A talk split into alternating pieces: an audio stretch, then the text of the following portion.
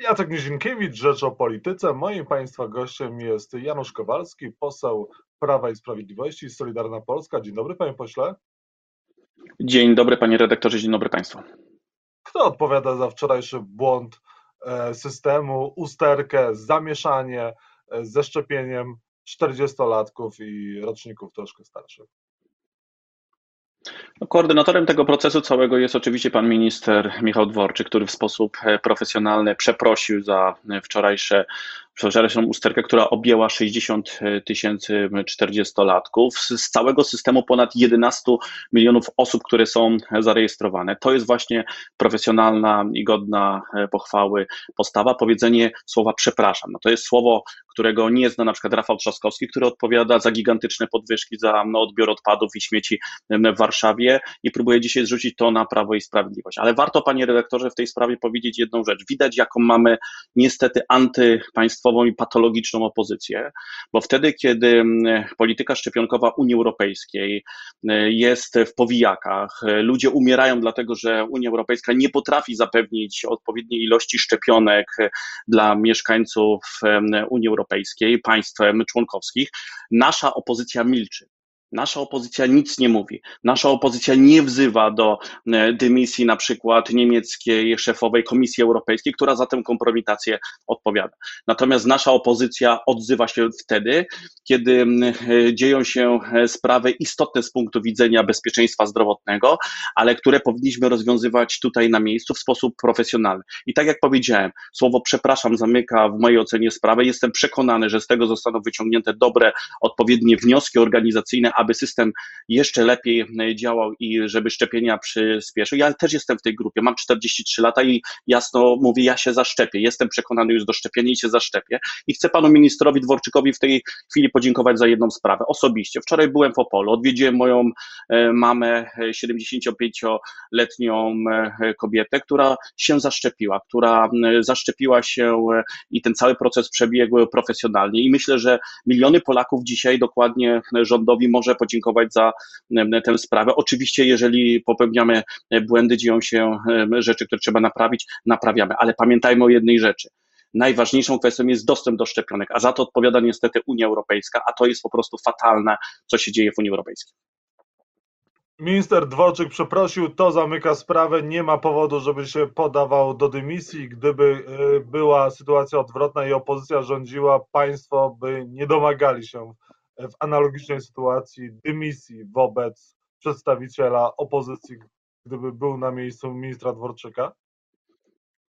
Kiedy e, Platforma Obywatelska, ta nieudaczna ekipa i nieudolna ekipa Donalda Tuska i Ewy Kopacz rządziła, to Prawo i Sprawiedliwość potrafiło wznieść się ponad podziały polityczne i w ważnych dla Polski sprawach współpracować, a często ta ręka była niestety odrzucana. Ja przypominam sobie bardzo dobrze rok 2008-2009, kiedy między innymi pracując u boku świętej pamięci prezydenta Lecha Kaczyńskiego, u boku również Prawa i Sprawiedliwości, wspieraliśmy, chcieliśmy w zasadzie wspierać Polskę polski rząd w kwestiach gazowych, kiedy to Rosja szantażowała od stycznia 2009 roku Polskę, kiedy zostały przerwane dostawy gazu. I co się w tym momencie stało? To właśnie rząd Donalda Tuska tę rękę opozycji ówczesnej, czyli Prawa i Sprawiedliwości odrzucił i poszedł na układ z Putinem, dogadywał się z Putinem za, pomimo tego, że miał wsparcie opozycji. Odpowiedzialna opozycja w sytuacjach ważnych dla bezpieczeństwa, czy energetycznego, czy zdrowotnego, czy militarnego, współpracuje z rządem rządem, bo tego wymaga interes narodowy,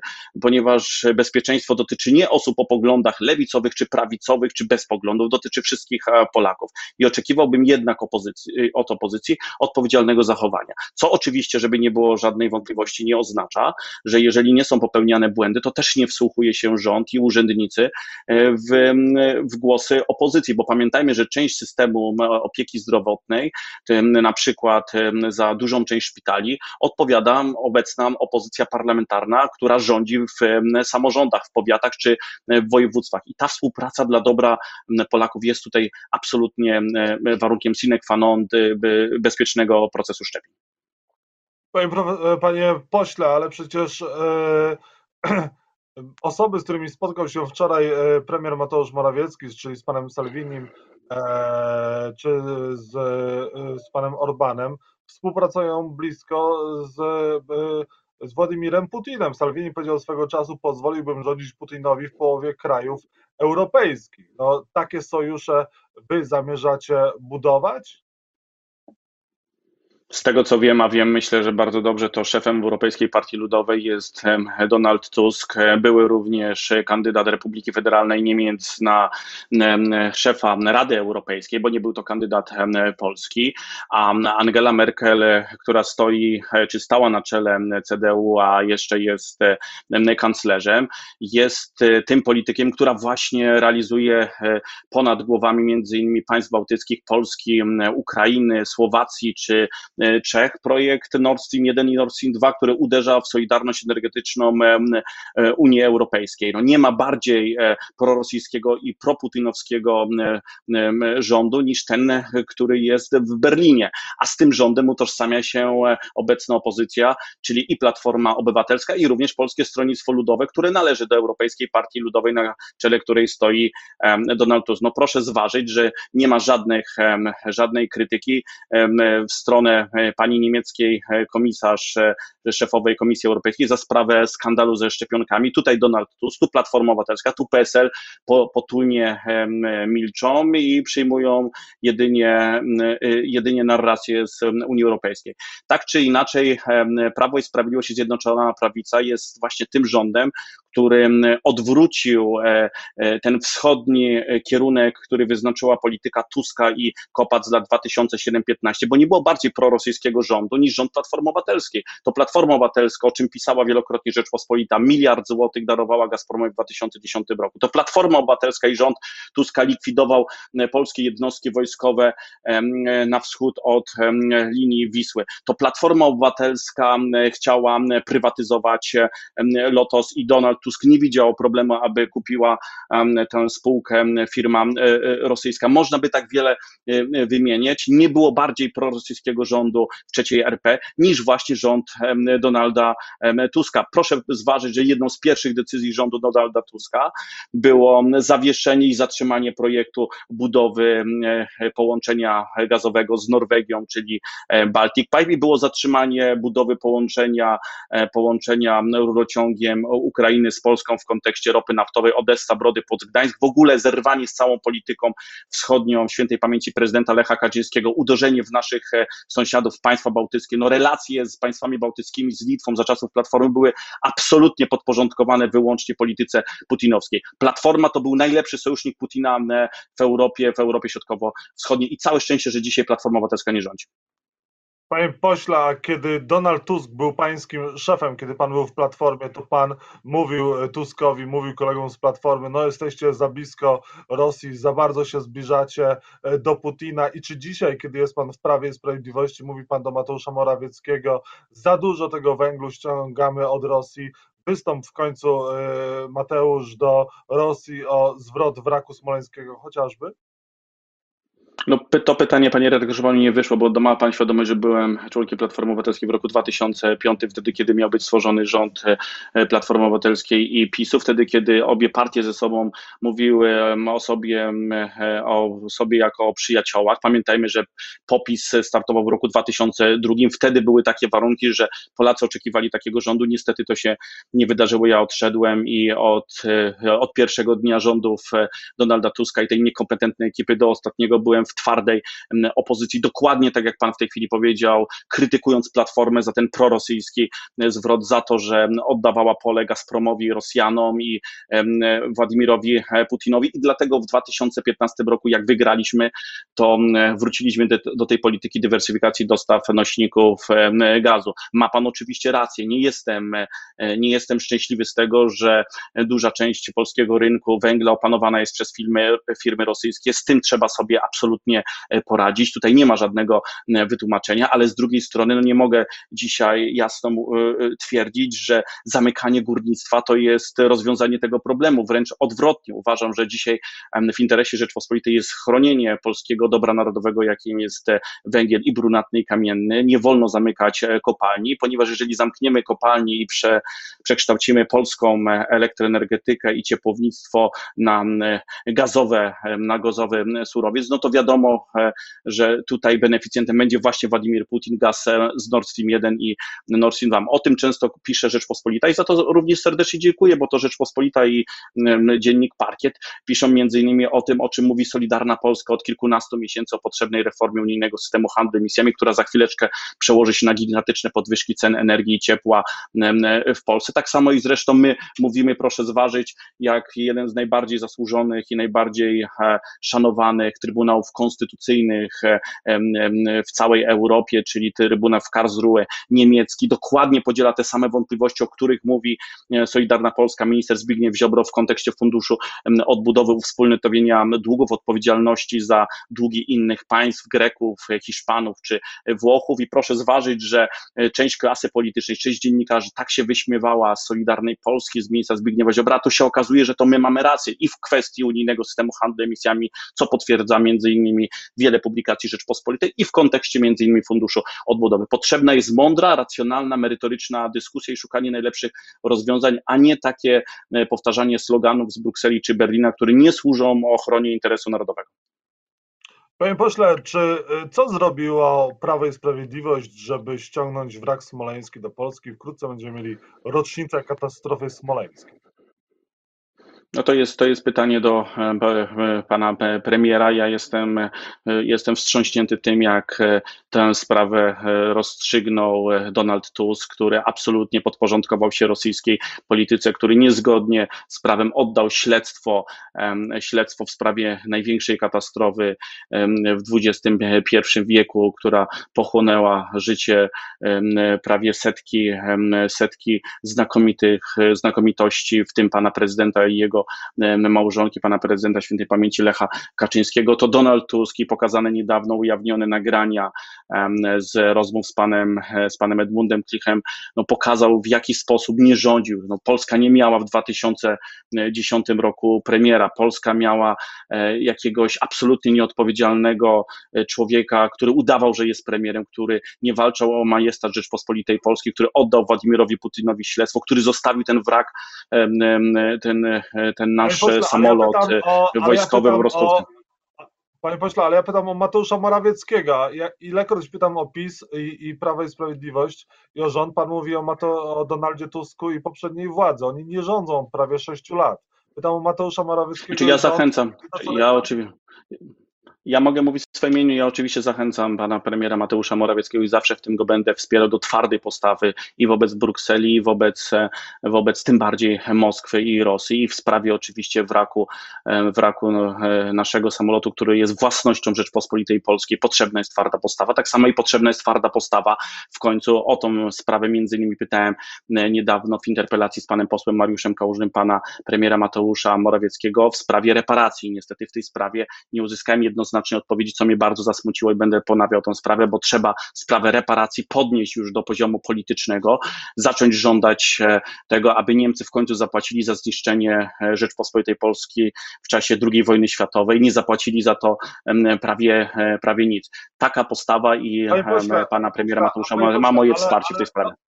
Panie pośle, ale my o tym cały czas rozmawiamy, o tych reparacjach. Ja przeprowadziłem dziesiątki wywiadów w ciągu ostatnich lat z pana kolegami z Prawa i Sprawiedliwości na temat reparacji i nic. Dlaczego wy nie występujecie do strony niemieckiej oficjalnie na poziomie rządowym w sprawie reparacji, tylko cały czas o tym mówicie, mówicie, mówicie w Polsce i nic kompletnie z tego nie wygląda, bo to panie pośle myślę, że nawet zwolennicy Prawa i Sprawiedliwości widzą, że to taka za przeproszeniem tempa propaganda na E, użytek strony e, polskiej, polityki krajowej, bo nic za tym nie idzie tak naprawdę. Ja zgadzam się z panem. Dlatego wystąpiłem z panem posłem Mariuszem Kałużnym z Solidarnej Polski o jasną odpowiedź do pana premiera Mateusza Morawieckiego, czy wystąpi z wnioskiem w sprawie reparacji do Republiki Federalnej Niemiec. Nie kiedy, nie w jakich warunkach, tylko czy. To było pytanie zamknięte, tak albo nie. Nie uzyskałem na to odpowiedzi. Ja jestem zwolennikiem jednak jednoznacznej polityki. Jestem zwolennikiem tego, aby Zjednoczona Prawica, jeżeli chce wygrać wybory w roku 2023, a zrobimy wszystko, wszystko, żeby tak się stało. Rządziła w sposób efektywny i realizowała plan. Trzeba dokończyć kwestię reparacji, trzeba dokończyć kwestię reprywatyzacji, kwestię repolonizacji również mediów, ładu medialnego, kwestię ustawy wolnościowej w internecie pana ministra Zbigniewa Ziobro i Sebastiana Kalety. Jest wiele tematów, które muszą być rozstrzygnięte. Jestem przekonany, że jak teraz minie ta trzecia fala pandemii, to przystąpimy w końcu do tej ofensywy programowej. Kwestia reparacji, panie redaktorze, zgadzam się z panem, musi być natychmiast podniesiona do kwestii oficjalnego wystąpienia rządu Rzeczpospolitej Polskiej do Republiki Federalnej Niemiec. Koniec już e, mówienia o tym, koniec e, obiecywania, koniec e, tych kilkudziesięciu, kilkuset wywiadów. Trzeba działać. Jak w 2016 roku utworzyłem razem z, ze, swoimi, ze swoimi współpracownikami zespół, do, który po czterech latach walki w Peginik wygrał 6 miliardów złotych od Gazpromu, to nie zastanawialiśmy się, czy będziemy iść na ugody z Gazpromem. Nie, od razu powiedzieliśmy, idziemy na ostry spór, na który Platforma nigdy nie poszła za czasów rządów Tuska i Kopacz. Wygramy 6 miliardów złotych od Gazpromu i wygraliśmy. I w tej sprawie potrzebna jest również jasna deklaracja. Pan premier Mateusz Morawiecki będzie mieć tu wsparcie Solidarnej Polski, tylko musi w sposób oficjalny wystąpić. Tak samo jak i również zamawialiśmy pana premiera Mateusza Morawieckiego do reformy unijnego systemu handlu emisjami, do tego, żeby nie zaostrzać polityki klimatycznej. I niestety w tej sprawie mieliśmy rację. Mieliśmy rację, nasza diagnoza, co potwierdzają rosnące koszty ceny uprawnień do emisji CO2, które przełożą się na ceny ciepła i energii rosną no, dramatycznie. Od grudniowej decyzji na szczycie Rady Europejskiej urosło o ponad 40%. Musimy mieć zdecydowane stanowisko w tej sprawie również. Panie pośle, a proszę powiedzieć, czy wy, Solidarna Polska, jesteście w stanie w przyszłych wyborach, bez względu na to, czy one będą w terminie konstytucyjnym, czy będą w terminie wcześniejszym, jesteście w stanie wystąpić, wystartować samodzielnie? Prawica wygrywa tylko wtedy, kiedy jest zjednoczona. Prawica wygrywa tylko wtedy, kiedy jest razem. Ja jestem zwolennikiem jak najszerszego obozu zjednoczonej prawicy, poszerzonego o wszelkie możliwe środowiska, ponieważ e, niestety przeciwnik, przeciwnik, który ma właśnie taką antypaństwową i niestety, jeżeli chodzi o politykę, patologiczną e, postawę, ponieważ nie ma tutaj żadnych konstruktywnych rozwiązań, zajmuje się tylko postulatami takimi jak zabijanie dzieci do 12 tygodnia ciąży, ciąży, czy kwestią polityki genderowej, polityki związaną ze środowiskami LGBT, a więc Szymon Hołownia, a więc Platforma Obywatelska albo e, Polskie Stronnictwo Ludowe, już nie mówiąc o lewicy i postkomunistach, no ci ludzie nigdy nie mogą dojść e, do władzy. Ja życzę Polsce dobrze. I skoro życzę Polsce dobrze, to zrobię wszystko, aby Zjednoczona Prawica w 2023 roku jako Zjednoczona Prawica wygrała wybory, ale do tego czasu musimy bardzo mocno wcisnąć e, pedał gazu, przyspieszyć z reformami, reformować polskie, polskie państwo, koniec już oglądania się na Berlin i na Brukselę, negocjowania, trzeba realizować własną narodową agendę. Między innymi w kwestii reformy wymiaru sprawiedliwości zmarnowaliśmy trzy lata. Trzeba sobie jasno powiedzieć, zmarnowaliśmy trzy lata. Jednak w tej sprawie pan premier Mateusz Morawiecki pomylił się, obiecał, że dogada się w tej sprawie z Brukselą, nie dogadał się w tej sprawie z Brukselą. Jesteśmy w gorszej sytuacji, zmarnowaliśmy trzy lata. Znowu Zbigniew Ziobro miał rację, potrzeba przyspieszyć się reform, a nie oglądać się na to, co powiedzą w Brukseli czy w Berlinie na nasze kwestie. Kropka. Panie pośle, a proszę powiedzieć to, jeżeli chcecie się dogadać z Prawem i Sprawiedliwością, skandydować na wspólnych listach, to niech pan powie, dlaczego wy atakujecie Pawła Borysa, szefa Polskiego Funduszu Rozwoju, prawą rękę Mateusza Morawieckiego. Pawła Borysa, który odpowiada za, e, no, za, za, za tarczę dla przedsiębiorców. Pan Paweł Borys, z tego co wiem, nie jest politykiem i nie jest członkiem e, żadnej partii, a na pewno nie Zjednoczonej Prawicy. Z tego również co wiem, przed rokiem 2015 nie był związany w żaden sposób ze Zjednoczoną Prawicą. Jest pewnego rodzaju eksperymentem, eksperymentem. Dołączył się, bo za czasów rządów Platformy Obywatelskiej świetnie sobie radził w spółkach Skarbu Państwa, wcześniej w spółkach e, polskich biznesmenów czy oligarchów. I ja oceniam wyłącznie menadżerów przez pryzmat e, tego, jak realizują swoje zadania w spółkach. No jeżeli chodzi chodzi o pana Pawła Borysa, no to mam ogromne znaki zapytania, bo chcę przypomnieć, że byłem pełnomocnikiem rządu do spraw reformy nadzoru właścicielskiego i potrafię oceniać i chcę oceniać polityków przez pryzmat polityczny, a menedżerów przez pryzmat biznesowy. No i kiedy patrzę się na dokonania PFR-u pod rządami pana Pawła Borysa, to to mam znaki zapytania. No to to przecież Rzeczpospolita pisała o klęsce, nie nawet o porażce programu PPK, pracowniczych e, programów emerytalnych, no za tą odpowiada pan Paweł Borys. No I ta kwestia już jest kwestią kwestią polityczną, bo idzie na konto Zjednoczonej Prawicy. No nie wygramy wyborów, jeżeli w sposób nieprofesjonalny będziemy realizować takie programy.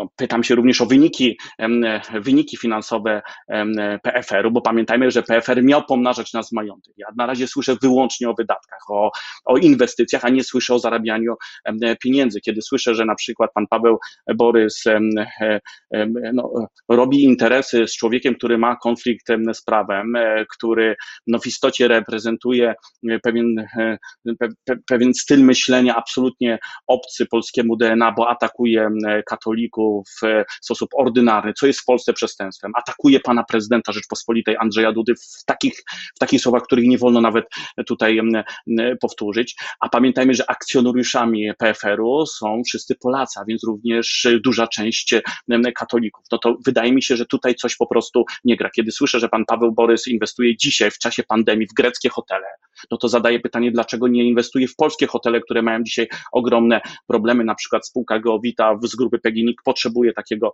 mm, inwestora. Zachęcam, żeby pieniądze zostawały tutaj. I, I, to są pytania bardzo merytoryczne. Pan e, Borys powinien być wyłącznie oceniany przez pryzmat e, tego, jak realizuje swoje projekty. Mniej powinien siedzieć na mm, Twitterze i w rozgłośniach e, Agory, a więcej powinien pracować i realizować agendę, ponieważ dostał mandat zaufania mm, od Zjednoczonej Prawicy. Jest tym prezesem również dlatego, że walczyłem o to, żebyśmy wygrali wybory w swoim okręgu. Chodziłem, przekonywałem mieszkańców o Opolszczyzny, w Głubczycach, w Opolu, w Kędzierzynie, Koźlu i żądam od pana e, Pawła Borysa przede wszystkim e, powściągliwości, profesjonalizmu i wypełniania swoich zadań w sposób, e, w sposób rzeczywisty, a nie, a nie chodzenia po mediów i udawania polityków. A czy Solidarna Polska żąda, czy domaga się dymisji od Pawła Borysa? No, to jest kwestia już oceny pana premiera Mateusza Morawieckiego, który nadzoruje Polski Fundusz Rozwoju. Myślę, że znaków zapytania jest coraz więcej co do nieefektywności działania PFR-u. Ja jestem absolutnie przeciwnikiem temu, żeby w jednej, w jednej spółce gromadzić tak wielką e, władzę. Jestem przekonany, że kwestią negocjacji przy Nowym Ładzie powinna być kwestia i nadzoru, ale i być może i rozdzielenia części, części Polskiego Funduszu Rozwoju, ponieważ e, no, ten fundusz nie jest przejrzysty przejrzysty z punktu widzenia finansów, nie, jest, nie są przejrzyste decyzje, które tam są e, podejmowane. Tam są miliardy złotych, a one idą jednak na e, konto Zjednoczonej Prawicy i uważam, że jeżeli ktoś nie jest w stanie na przykład wprowadzić dobrze PPK, ponosi tutaj porażkę, no to żadne reklamy w gazetach, w, w, czy w, w internecie, czy nawet w telewizji no nie zagłuszą kwestii, kwestii finansowych i kwestii e, tego, czy ktoś jest dobrym czy słabym e, prezesem. Jeżeli nie ma wyników finansowych, no jeżeli patrzy się na to, w jaki sposób e, PFR zaangażował się w Rafako, e, przez wiele miesięcy nie był powołany członek Rady Nadzorczej, chociaż było takie uprawnienie. Potem nagle był powołany z poparciem PFR-u były prezes za czasów Platformy Obywatelskiej, były prezes PGNiG-u na prezesa Rafako, no to zaczyna mieć duże wątpliwości, czy przypadkiem pan Paweł Borys nie zapomniał, że dzisiaj rządzi Zjednoczona Prawica, a nie Platforma Obywatelska. I ludzie, którzy fatalnie zarządzali spółkami Skarbu Państwa z czasów Platformy Obywatelskiej, nie mają wstępu dzisiaj do spółek Skarbu Państwa w, i nie powinni mieć wstępu do spółek Skarbu Państwa Zjednoczonej Prawicy, która ma pomnażać e, majątek narodowy. I ostatnie dwie, dwie kwestie. Proszę o krótkie odpowiedzi. A pan ma jakieś wątpliwości wobec prezesa Orlenu Daniela Obajtka? No ja z panem prezesem Danielem Obajtkiem mogę się różnić w wielu kwestiach. Między innymi e, możemy dyskutować na temat zasadności tak zwanej fuzji, czyli faktycznej prywatyzacji części Lotosu i prywatyzacji jednej trzeciej rynku paliwowego. W tej sprawie możemy ze sobą dyskutować i powinniśmy dyskutować i myślę, że tutaj debata na ten temat jest bardzo potrzebna, bo ja jestem zwolennikiem tego, że kiedy rządzi prawica, to nic nie prywatyzujemy, tylko repolonizujemy. Jestem zwolennikiem tego, że jeżeli chodzi o energetykę i o kwestie dotyczące bezpieczeństwa, to jest kwestia absolutnie dla nas fundamentalna, nie prywatyzujemy. Natomiast jeżeli chodzi o ten absolutnie szatański i bezpardonowy atak środowisk ze strony Gazety Wyborczej na e, pana Daniela Obajtka, no to trzeba tutaj jasno powiedzieć, że e, pan Daniel Obajtek zachował się w sposób profesjonalny, pokazał swój majątek, profesjonalnie się z tego wytłumaczył, natomiast ocena jego działalności biznesowej należy do ministra aktywów państwowych finansowych pana premiera Jacka Sasina i to pan premier Jacek Sasin będzie tutaj jedynym dysponentem jakiejkolwiek decyzji personalnej, tak samo jak i pan premier Mateusz Morawiecki w kontekście pana Pawła Borysa. Jestem zwolennikiem tego, że to ministrowie i premierzy, jeżeli, jeżeli odpowiadają za nadzór nad konkretnymi spółkami, podejmują w tej sprawie decyzje. Ja mogę się jako poseł na Sejm Rzeczpospolitej Polskiej wypowiadać w kwestiach merytorycznych, co oczywiście czynię jako głos doradczy. Panie pośle, na koniec proszę o jeszcze krótszą odpowiedź, bo mnie tutaj zaraz wydawca programu wyrzuci z tego e, prowadzenia tego programu. E, proszę powiedzieć, czy na święta e, Polacy powinni uczestniczyć w mszach świętych, powinni chodzić do kościoła, czy jednak powinni uważać, a te no, a msze, no może w takich warunkach domowych bardziej przed telewizorem powinni jednak w tym roku odbywać. Na pewno nie wolno żadnemu Polakowi zabronić e, możliwości uczestniczenia w mszach świętych i mm, w obchodzenia świąt Zmartwychwstania Pańskiego. I jestem przekonany, że katolicy e, będą dbać o swoje zdrowie, zachowują dystans społeczny, będą mieć e, maseczki. Naprawdę nie bójmy się o, o to i po prostu dbajmy, dbajmy o siebie. Natomiast zakazy to jest najgorsza rzecz, która jeżeli chodzi o święta Zmartwychwstania Pańskiego może być realizowana Jestem przekonany, że ta trzecia fala e, wkrótce minie i wkrótce wrócimy jednak do e, normalności, że system, e, system szczepień, za który odpowiada profesjonalnie pan, pan minister Michał Dworczyk, jeszcze lepiej będzie funkcjonował w następnych tygodniach. Moim Państwa gościem był poseł Janusz Kowalski, Solidarna Polska, Prawo i Sprawiedliwość, poseł Prawa i Sprawiedliwości. Bardzo dziękuję za rozmowę. Wesołych, przede wszystkim zdrowych i bezpiecznych świąt, Panie Pośle. Panie redaktorze, również e, panu życzę i całej redakcji Rzeczpospolitej Parkietu zdrowych, radosnych świąt Zmartwychwstania Pańskiego, przede wszystkim zdrowych oraz wszystkim Państwu. Dziękuję bardzo serdecznie za uwagę. Dziękuję, do zobaczenia, do usłyszenia. Do usłyszenia.